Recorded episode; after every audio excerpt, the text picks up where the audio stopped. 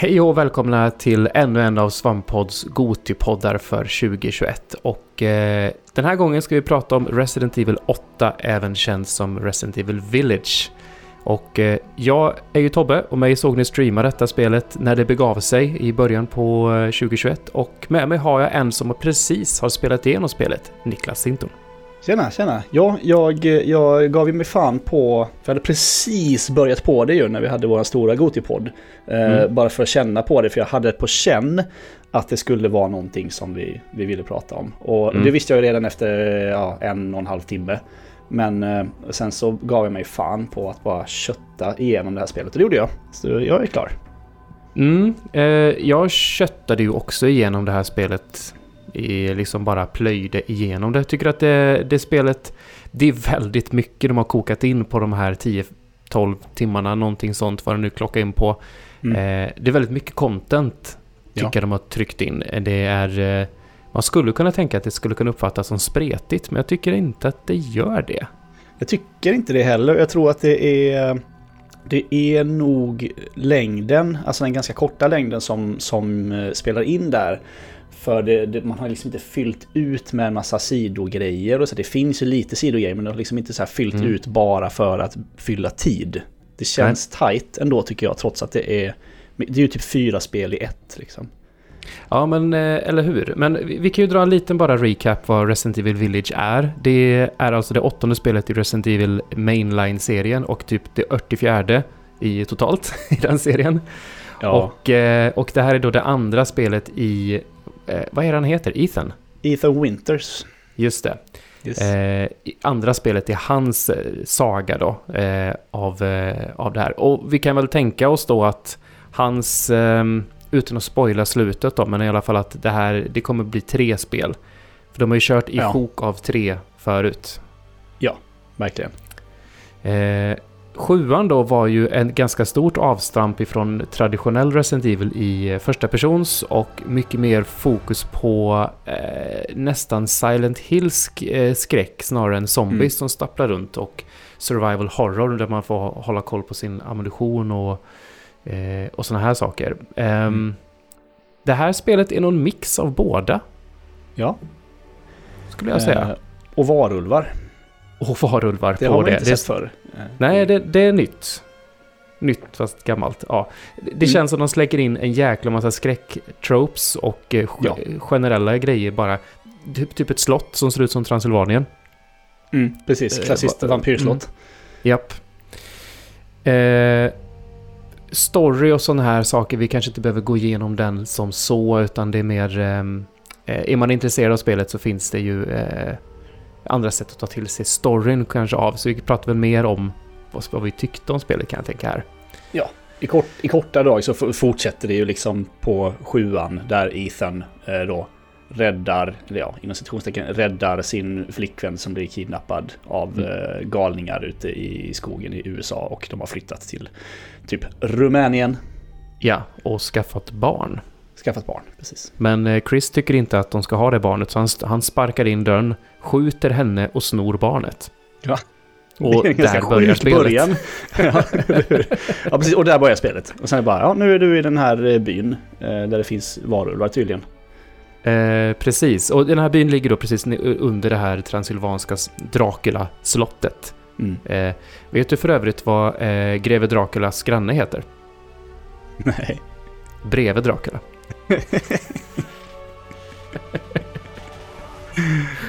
Men den här byn i alla fall som ligger under bredvid Draculas eh, slott. Eh, väldigt mycket passningar till Resident Evil 4 eller? Där Mm, det var en verkligen. spansk by som också var, den är väldigt lik skulle jag säga, en sån här lantlig by mer. Verkligen. Och såklart är ju det extremt medvetet att de, att de eh, la upp det på det sättet. Absolut. Eh, men du nämnde ju förut att det är typ fyra spel i ett och... Mm. ja, Eller kanske ännu mer, men det finns ju Ja. fyra stycken, vad ska man säga, bossar som presenteras ganska tidigt i spelet som har liksom sin grej lite grann. Precis, sitt område och sin vad ska jag säga, skräcktrope. Typ. Mm. Sitt, eget litet lilla skräckspel. Mm. Och där, där den här eh, Resident Evil 4-byn egentligen agerar som en eh, hubbvärld. Mm. Där man pendlar igenom den på olika håll. Och det händer ju en hel del saker i den, i den byn. Så det känns som att varje gång du kommer tillbaka till den så kommer det finnas eh, kanske nya områden att hitta. Eller det har hänt saker eller nya fiender. Skit händer helt enkelt där. Jag tyckte verkligen om att utforska byn. Mm. Eh, gick ju he- man gick ju hela varvet runt varje gång man kom tillbaka från en sån här avstickare till ett av de här fyra områdena. Gjorde man. Det som jag störde mig på med byn var ju att det finns saker som du låser ute dig ur om du inte har tagit dem under en viss cykel av återbesök om man säger. Ja, just det. Mm, det är ju ett sånt spel. Eh, samma mm. med de här om, områdena. Du kan inte gå tillbaka och hämta collectibles och sånt som du missade. Ja, men precis. Eh, postern för det här spelet har ju ganska mycket bestått av Lady Dimitrescu. Eller Trescu, eller hur man nu ska uttala det där. Ja. Eh, den tre meter långa, bystiga vampyrdamen. Mm. Och eh, jag trodde att hon skulle få mycket större del, eller plats i det här spelet. Men hon är egentligen den första av fyra då. Som ja, man eh, tänkte ju att hon var huvudskurken och att det var mm. liksom det här spelet var väldigt mycket att du var i hennes slott. Och att det kanske typ hennes tre döttrar var liksom de här bossarna. Men de mm. är ju egentligen bara, ja, de är ingenting nästan. Nej, de är inte... Så egentligen, första så att säga, huvuddelen av spelet är ju, blir ju mer än eh, typ så här springa och gömma sig. Där kommer, där kommer typ eh, Mr X eller Nemesis om vi ska hämta ja. den gamla grejen. Precis. Det är ju egentligen vad det är. Du kan liksom skada så att, så att hon eh, kuvar lite grann men sen så är det bara, kommer hon upp igen. Du kan liksom inte ha ihjäl henne i det här, i den här fasen. Påminner om första eh, delen i sjuan. Ja men precis, precis när den här, ja precis när han eh, galen pappan springer runt ja. eh, i huset. Ja men det är väldigt likt det. Och eh, jag gillar det. Huset känns väldigt Resident Evil 1, eller typ klassisk Resident Evil. Ja. Um, väldigt de här, snyggt är det huset. Ja, det, det är skitsnyggt. Alltså, alla möbler och ytor liksom, och golv och sånt där. Och det är liksom ett spel på PS5 med, med HDR mm. och Ray Tracing och, och, grejer. Jag körde inte på perform jag körde på quality mode liksom. Fan vad snyggt mm. det Ja. Tills man ser eh, folks ansikten i, när, i, när, i närbild då. Men... ja, det, det är otroligt snyggt och det bygger väl på sin egna inhouse-motor va? RE Engine. Ja, det är väl den som Capcom gör allt i nu för tiden. De har väl gjort en sån här EA. De gick mm. över till Frostbite helt. Ubisoft går helt över till Snowdrop. Och de har mm. sin RE-engine. Mm. Mm. Tror jag. Som verkar eh, funka, det verkar vara jättebra till det mesta liksom. Till ja. Eh, Monster Hunter och till Resident Evil och allt möjligt. Ja, precis. Precis. Nej, men eh, jag gillade verkligen den här fasen. Det var eh, smyga runt och mysa lite grann, kännas lite klassiskt Resident Evil och sådär. Men ändå mm. väldigt mycket nytt och fräscht. Och ehm, eh, de här tre döttrarna, de var ju typ samma grej hela tiden. Ja, de tål inte solljus. Liksom. Nej. Ja, så var det olika sätt för att deala med det. Va? Eh, kyla kanske det var, nej. Ja, precis. du måste, på något sätt måste du släppa in vinterkylan utifrån. Det är vinter i det här, i det här spelet. Eh, Just det. Jag, jag kom ihåg det som ljus, men det är ju kylan man släpper in. Det, det mm. stämmer. Mm. Jäkla dåligt ställe att bo på om man inte tål kyla, eller? Eller uppe i bergen. Ja, det är himla konstigt. Ja, väldigt dåligt. Men det är kanske är svårt att flytta därifrån. Alltså det är inte kallt. Det kan ju inte vara kallt året runt. Det måste vara sommar också. Jag vet inte. Du kan flytta på sommaren.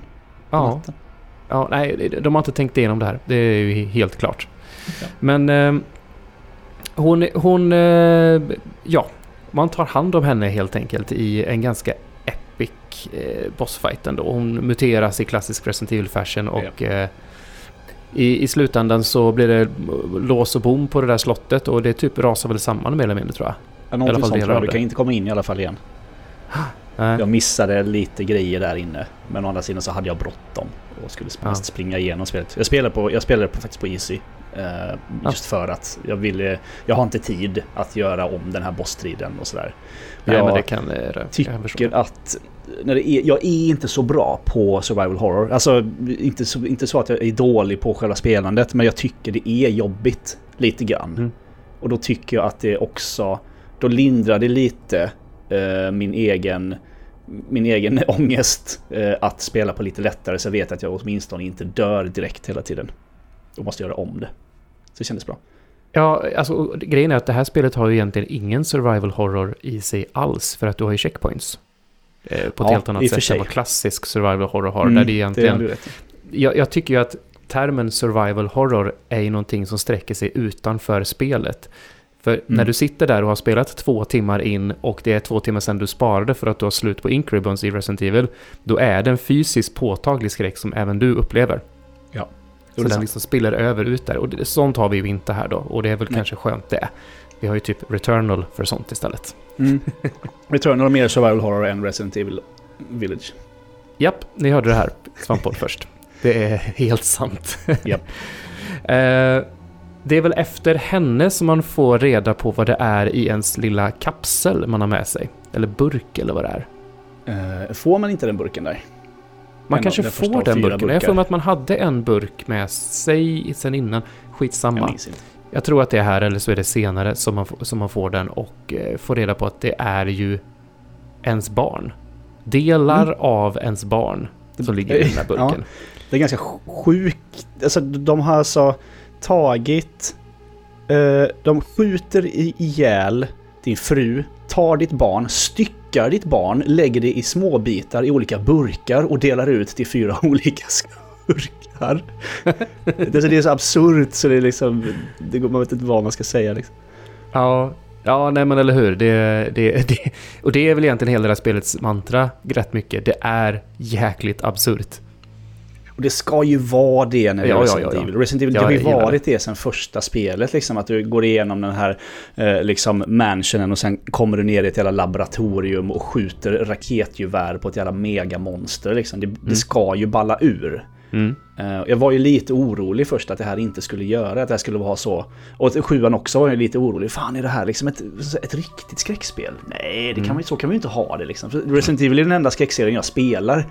Eh, just eh, PGA, att det alltid ballar ur. Eh, Men det gör det ju, man behöver inte oroa sig. Det, det gör det ju. Och det märker man ju i bossen där då, liksom när, när Lady Dimitrescu förvandlas till en stor grotesk köttdrake, typ. Precis. Då kunde jag Eh, pusta, ur, pusta ut. del, sen springer man ju kors och tvärs över den här byn igen då. Och det är väl här någonstans jag börjar tänka på det här att gud vad det här spelet är... Om jag skulle beskriva det här spelet med ett ord så skulle jag säga att det är väldigt avvägt. Mm. De kastar in otroligt mycket grejer, men det är precis lagom mycket av varje grej. Du Ja. har lite pluppsamlande alla Ubisoft, eller typ Open Worldigt. Men det är extremt nerskalat till... Du ska liksom hitta några djur här och var som du kokar Mm. upp recept på för att öka dina stats. Där får jag genast typ så här eh, PTSD när jag tänker på typ Breath of the Wild. Jag bara oh nej. Men bara nej, det är extremt liksom nerkokat och destillerat och precis rätt mängd. Och Ja. alla de här galna idéerna de kastar in, det är liksom så här, de skulle kunna gått bananas och gjort separata spel av massa saker i det här spelet. Men nej, det är liksom extremt avvägt hela Ja. tiden. Och, jag, och, och det, jag skulle bra- säga att det är nog en av spelets absolut största styrkor, att det, Mm. det håller, det balanserar på rätt sida gränsen hela tiden. det är tight. Liksom. Mm. Det, det, är inget, det är inget onödigt fluff i det här spelet. Utan det är de här 10-12, eh, jag kanske spelade 13-14 timmar liksom. Mm. Och sen är det inte mer än så. Och det är ju inklusive att samla ganska mycket grejer. Du kan ju springa igenom det här säkert på, på liksom 8 timmar om man skulle vilja. Säkert. Säkert. Och då, Eh, då kommer det ju bli lite trögare och speciellt när du inte, om man spelar på lite svårare svårighetsgrad så behöver du en del Ja, av de svårt. här uppgraderingarna och sånt där. Men sen Mm. kommer ju det som, ju, som i efterhand känner jag har blivit det mest beryktade i det här spelet. Dockhuset. Ja, just det. Ja, dockhuset. Det, där- den såg jag ju inte komma. Nej, Hela den incidenten var liksom bara så här, what? Nu blev det liksom all in Silent Hill här. Ja, för jag, jag lutade mig mycket åt att eh, ja, men jag kör i alla fall på, på casual. Uh, vad skönt. Jag behöver liksom inte tänka så mycket på att det ska vara så läskigt för att jag kan, jag kan bara skjuta ihjäl alla. Mhm. Och så bara åker jag ner för den här hissen och så försvinner mina vapen. Jag bara fuck. Åh nej, nu är jag ju på samma, nu jag, har jag samma premisser som, alla, som de som spelar på svåraste svårighetsgraden. Nu blir det ju jobbigt. Ehm, för det, ja, men det, är det blir ett, ett klassiskt uh, ja, men sånt pussel. Men lite... Men är Amnesia rätt, uh, Ja. rätt tankegång kanske? Att Jag- det är mer jag- pussel, skräckpusselspel. Ja, jag tycker att Am- Amnesia är ganska bra, även om det är väldigt liksom... Eh, Am- Amnesia är ju, ganska, jag har ju precis spelat Amnesia, eller rätt nyligen så. Mm. Så att det, det, det, Amnesia är ju ganska stort och det är mycket så här hitta de här pyttesmå delarna här och var för att liksom klubba ihop. Det är inte riktigt så, men ändå Nej. åt det Outlast hållet kanske, liksom. om du har spelat de spelen. Inte spelat de spelet Nej, alls. där har du bara en Ehm, videokamera. Men det är lite mer klassiskt skräck. Det är inte så obskyrt som, eh, som Amnesia. Men, men eh, ja, eh, det kommer ju en, en bebis här nere krypandes. En Jättebebis. gigantisk. Och det, det, det var mycket jobbiga delar här nere alltså. Ja, det är, det är äckligt. Det är det. Mycket så, men barnjoller och barnskratt och barnskrik liksom i bakgrunden. Och, Mm. ja. Det tar ju lång tid innan det händer någonting. Mm. Du tror ju varje stund, varje gång du vänder dig om så ska det stå någonting där. Men nej, nej, de drar ut på det. Helvete Mhm. de drar ut på det. Eh, Och sen det så- här, eh, den här trä... Du bygger ju ihop typ en, ett, eh, någon form av docka av trä Ja. va? Och den, Mm, den, det, det är docka, väl ens fru? Ja, jag tror det. En, en liksom trärepresentation eh, representation av ens frus kropp typ. Ja. Eller något sånt. Och jag fick ju, jag fick ju, alltså det är ju inte liksom på näsan, men jag fick ju liksom så här lite så här weirdo-sexuella undertoner som de någonstans hintar om som... Mm, det är inte liksom direkt där, men det, det är bara en... Det är bara en, en creepy jäkla känsla av... Mm. Eh, men men ur, som, ett- som ett skräckspel tänkt så... Eh, det är ju det bästa PT-ish spelet som vi har fått på länge. Om vi bara tittar på den. Mm. Mm. Verkligen. Efter Eh, och det, det... Och tänkte jag säga att nej just det, det är ju inte, det är inte Capcom som gör Peter, det är, det är ju Konami. Eh, så jag tänkte att de, annars så tänkte jag, har de tog PT dit, men det, var inte, det var inte ens samma utvecklare. Ja, det finns ju alltid frågan så här, Resident Evil 7 som utannonserades bara lite grann efter PT är i första person och är mycket mer åt psykologiskt håll. Ja, Ja, vad händer där kan vi alltid undra liksom så. Men, Mm, mm. ehm, efter det här huset med, med barnen och den här troll, trollpackan är väl egentligen det som bor där va? Eh, ja, eller hon, ja precis. Eh, hon som liksom kontrollerar en, en docka. eh, Mm. Lite. Du får springa och leta bland en massa dockor i, i, i ett hela huset. Det sitter dockor överallt. Så gillar man inte dockor så är det här jävligt obehagligt. De springer ut och Mhm. huggar med kniv. eh, och så sen materialiserar sig den här kvinnan då som är liksom hon, puppet mastern typ som man, Mm. som man har i Alvor. Och får en sån här burk till. Precis, precis. Eh, och då har vi två bossar nere och vi har eh, två kvar. Mm. Den som är efter här, är det han som är ute i träsket typ? Mm. Fiskmannen. Ja, just det. Man har ju träffat alla de här i början dessutom. När Mm. man blir kidnappad eh, liksom första gången. eh, Innan man kommer in till, till slottet. Så är Mm. det lite sådär, ja men vems tur är det typ? Vem ska ta hand om honom liksom? Och det var li- lite sådär, ja men vi kommer alla få våra, vår tur med, med honom liksom.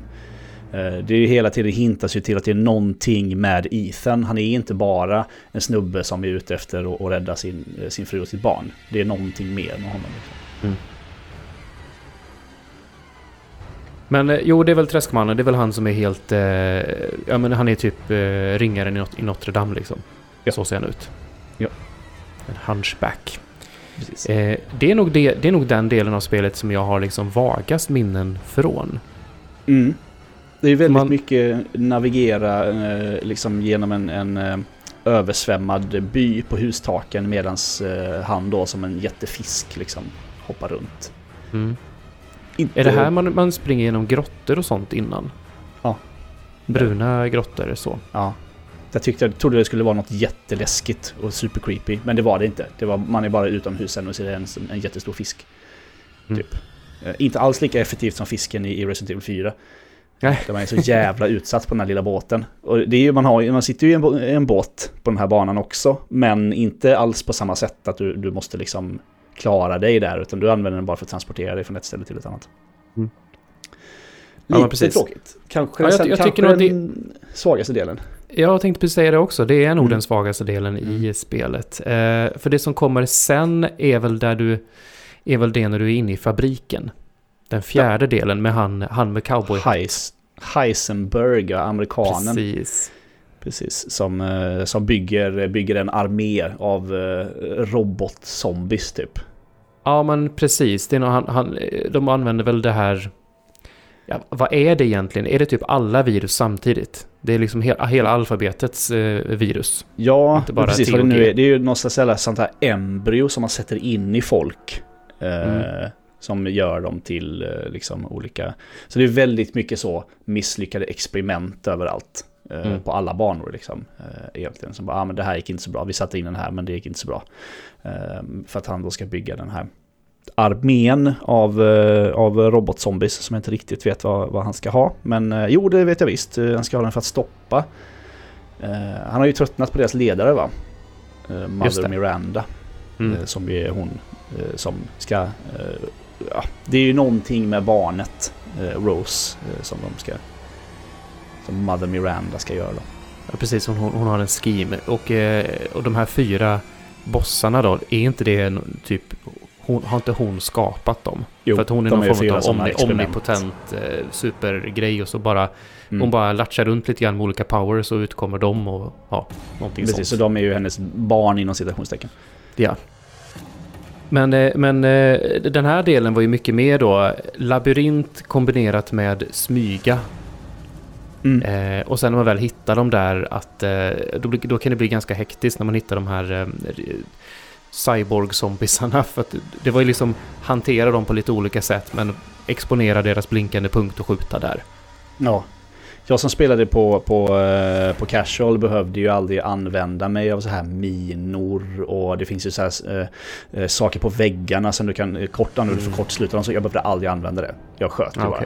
Ja, ja, okej. Det, det, var, det var ganska skönt. För att det, det hade jag tyckt var jobbigt tror jag, att behöva springa runt där. Och, Ja, det, jag- minns det som att det är en hel del liksom så fnulande liksom. Att Mm. eh, få dem i rätt position, lura in dem i fällor utan att själv bli inlurad i skit. Eh, sådär.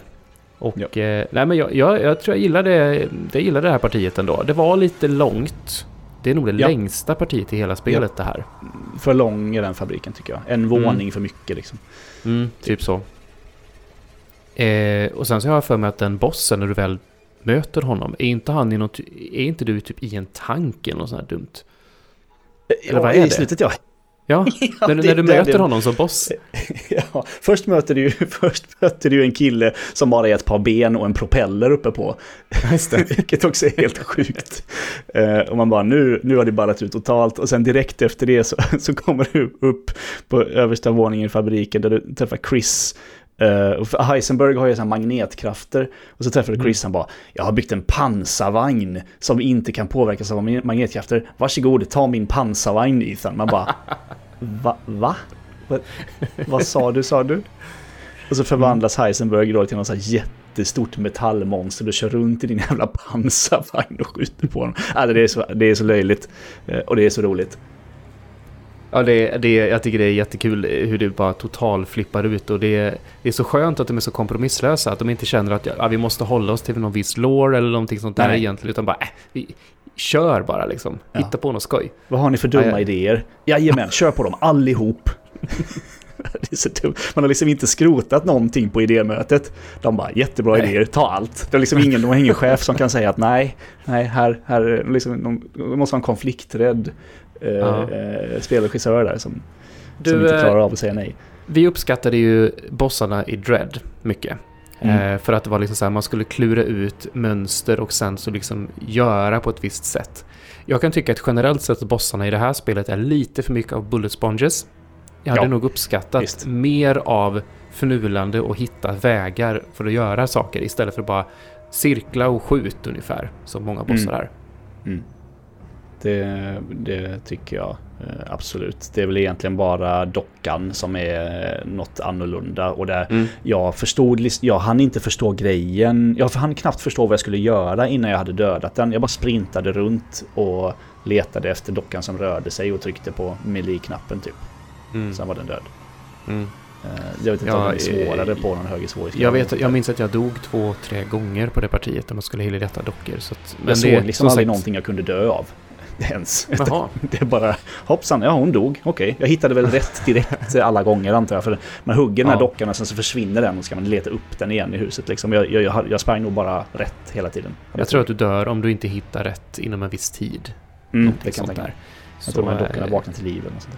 Mm. Ja, det, jag vet inte, det är över ett år sedan jag spelade nu senast. Jag har inte, det är inte superfräscht i minnet om man säger så, just de, Ja, de det kom delarna. ganska tidigt. eh, Ja, det gjorde ju det. Det gjorde ju det. Eh, vad händer då sen när vi har alla fyra burkarna? Då går vi till det här stora altaret i mitten och typ sätter dem där va? Precis, med den här jättestora Umbrella-loggan på. Mhm. Som man ju har sett. Och det är, väl, det är väl den första hinten om det som vi får va? Ja, du ser ju den. Eh. Fast du ser ju den loggan liksom tidigt eh, också. För att du ser ju det här altaret. Ja, just det, eh, just det. När du går till slottet till och med. Mm. När du ser det till och med på väggen i en grotta när du möter den här gamla, gamla tanten som typ berättar vad du ska göra. Eh, Eh, ja just det, ledsagartanten. precis. Och sen en, den andra stora NPCn med, med eh, citattecken stora är ju What are you buying i det här spelet. Ja, ja visst. Som är han The Count, eh? The Duke. Den lätt korpulente duken, ja precis. Ja, han är ju superhärlig. Han är ju, han är ju fan om möjligt ännu bättre än, än eh, killen i Resident Evil 4 alltså. Mm. Man gillar ju The Duke. Mm, mm. Eh, han, säger, han, han, han hintar ju till och med, han pratar ju om killen i Resident Evil 4. Ja, Han just det. snackar om en annan kille som också, Mm. så här, en skön kille, en skön lirare som han träffar som säljer grejer liksom. Det är roligt. Ja, det är det. det är det. Men sen ballar väl spelet ut ännu mer. Eh, ja, I det slutet. gör det väl. När, Eh. när du träffar Miranda och, och det här. Precis, det är väl bara slutboss kvar egentligen. Ja, det kanske, det, det kanske bara är det. Tror jag.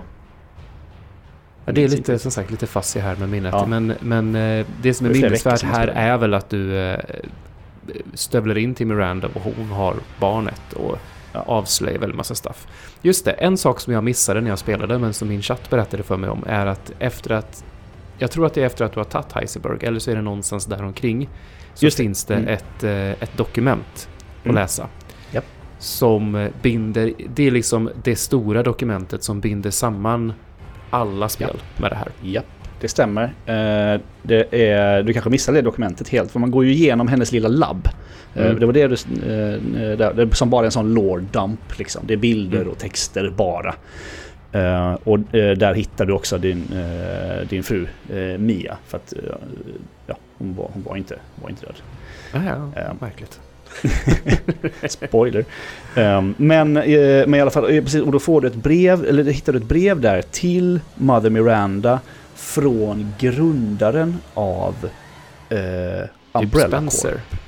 Eh, Spencer, heter han Spencer då, ja, precis. Han Ja. har då varit på en expedition med henne på typ Nordpolen eller Antarktis eh, eller Mhm. någonting. Eh, och liksom skickade ett brev så här, ja men tack för alla för alla våra samtal och liksom allt du lärde mig. Han har också varit där. Eh, för det, det, det, det eh, hintas till tidigare att det har varit en annan person, någon, den här mannen som har varit i den här byn tidigare. Liksom. Mm. Och det är han då som har varit där och fått lära sig en massa av Mother Miranda. För hon är ju då, surprise surprise, typ flera hundra år gammal. Mm. Eh, och eh, letar ju eh, efter ett sätt att återuppliva sin döda dotter.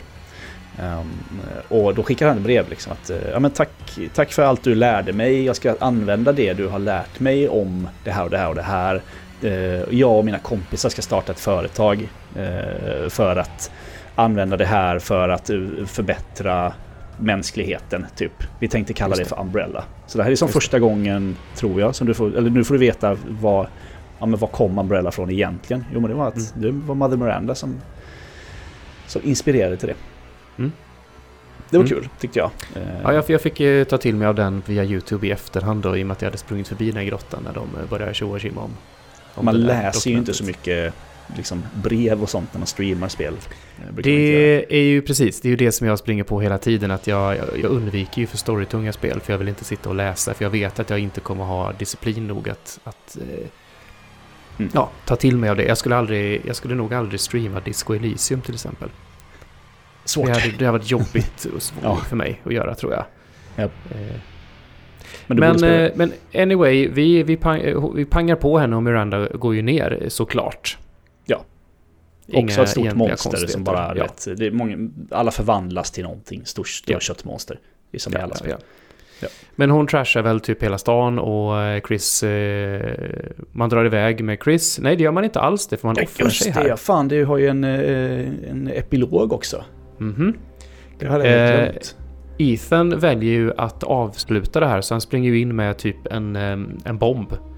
Och spränger henne inifrån. För hon håller på liksom och bara, typ som eh, i Akira du vet, när han liksom bara helt tappar Mm. tyglarna och allting bara kött, köttar sig ut på allting.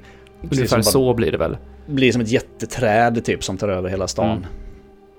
Eh, så han offrar sig och spränger hela skiten. Helt Ja. enkelt. Och sen får vi ju en epilog typ 15-16 år senare. Ja, du, Nej, du är ju dessutom Chris. eh, Du spelar ju som Chris där eh, en hel eh, period. Ja, Hans, han och hans team ska ju in Ah, och förstöra det. jätteträdet. eh, Mm. Efter att eh, Ethan har, eh, har coolat då. Ja.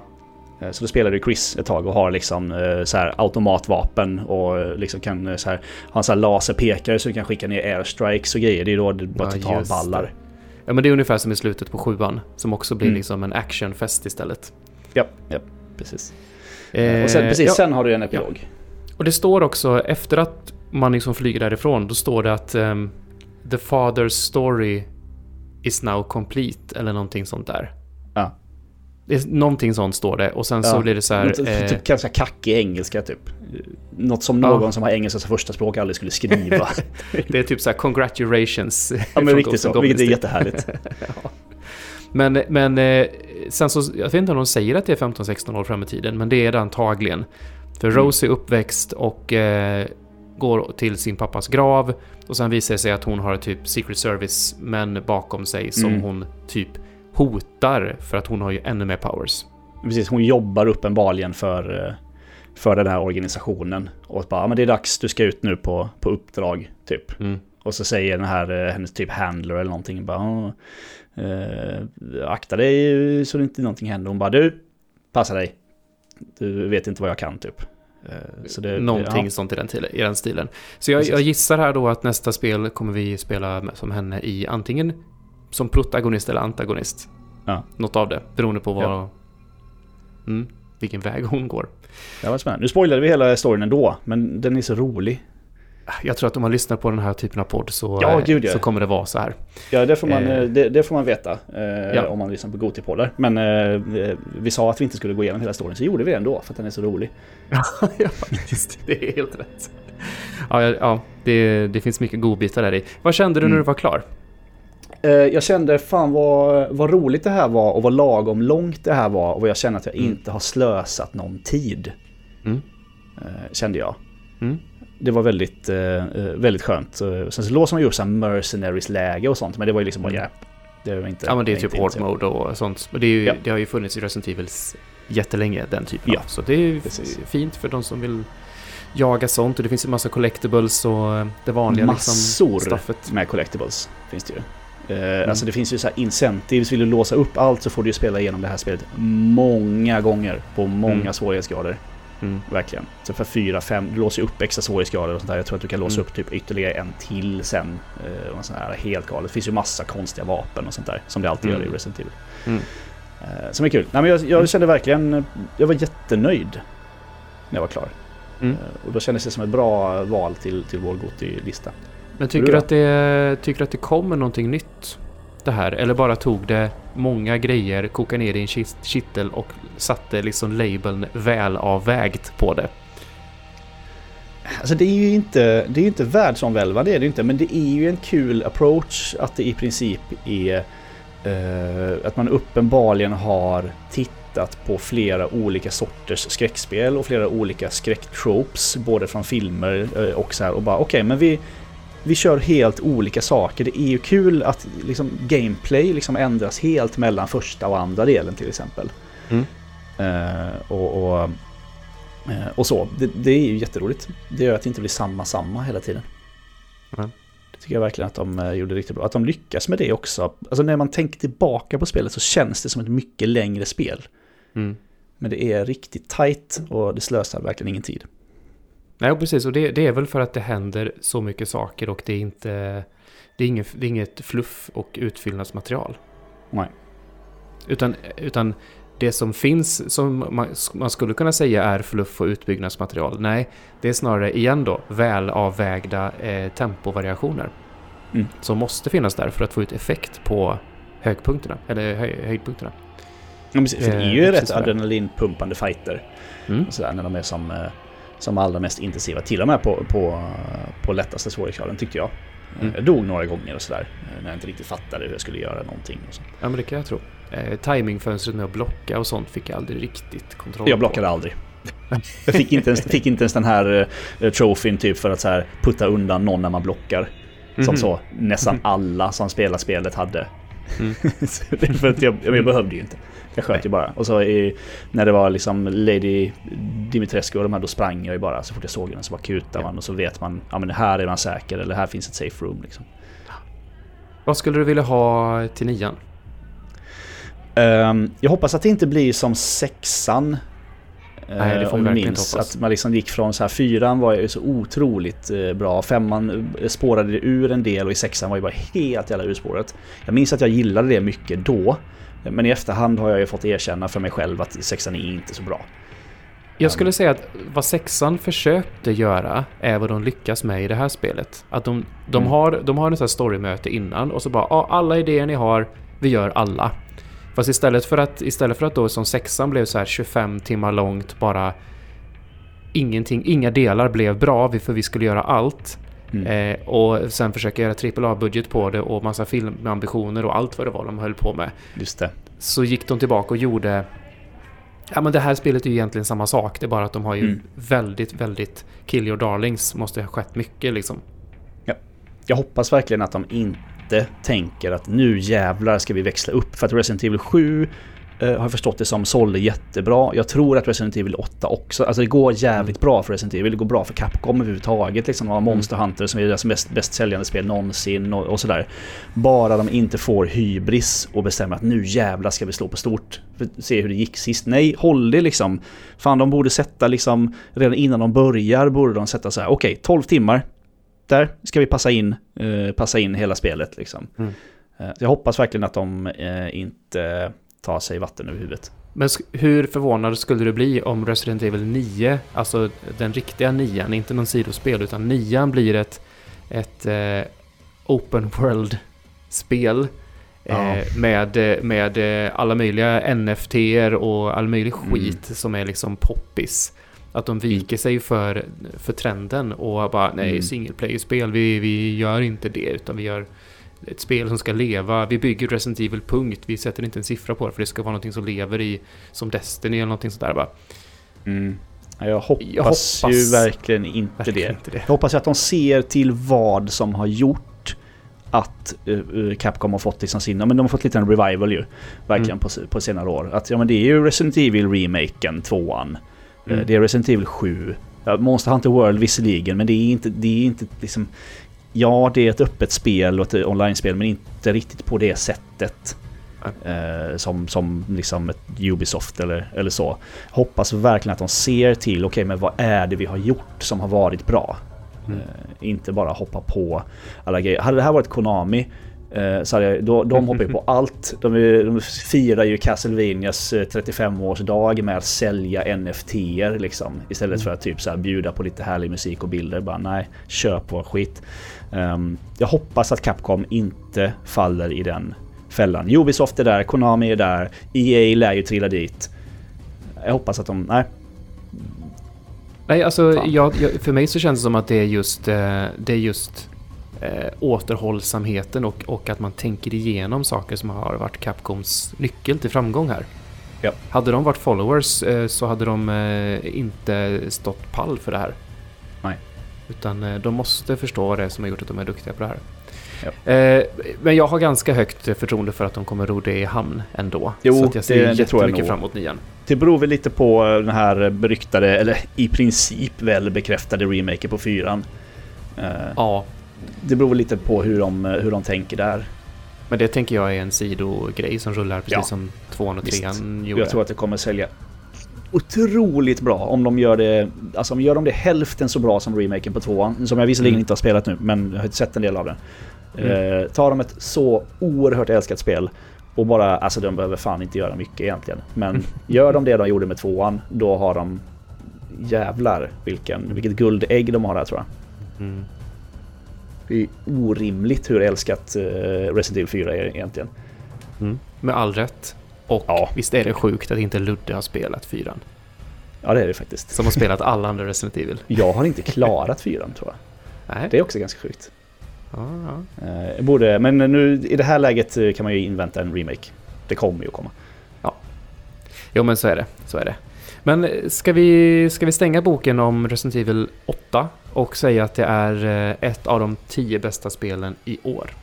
Det är det definitivt. Eh, Mm. Jag blir väldigt Och, det, och, det, glad. och, det, och, det, kla- och det, det passar in där även på din lista som inte alltid brukar vara samma som Mm, den övriga listan. Absolut. Kanske inte topp 5, eller inte på min topp 5, men på topp 10, absolut. Jag är väldigt glad att jag tog mig an det innan året var slut. Det är sån här Mm. som har legat och gnagt lite i bakhuvudet. Sjuan spelade jag sent också, långt efter det släpptes. Eh, och så passade det så himla bra. Det är ju också bra Capcom-spel, alltid på rea. Just det. Just bara så här några månader efter de släpps, så halva priset, tjoff på, på eh, Playstation Store, eh, deras reor liksom. Mm. Det är jättebra. Eh, och liksom anti-Nintendo, de bara rear ut sina spel överallt. Det är sjukt. Alltså, alltså Mario, Mario Odyssey och Breath of the Wild är fortfarande fullpris. Och Mario Kart. Ja. Jag vill, eh, spe, jag vill ju spela Mario Kart med, eh, med min son för jag tror att eh, det hade funkat bra med de här autokontrollerna och sånt där. Jag har ju Mario Kart 8 till Wii U. Jag vill inte köpa Mario Kart 8 igen, ett gammalt spel för 500 spänn. Det tar emot så jävla mycket. Skit i det. Ja. Men eh, eh, tack, för, eh, tack för det här. Och eh, vi ses och hörs igen i ny podd snart. Det är vi. Puss och kram. Hej!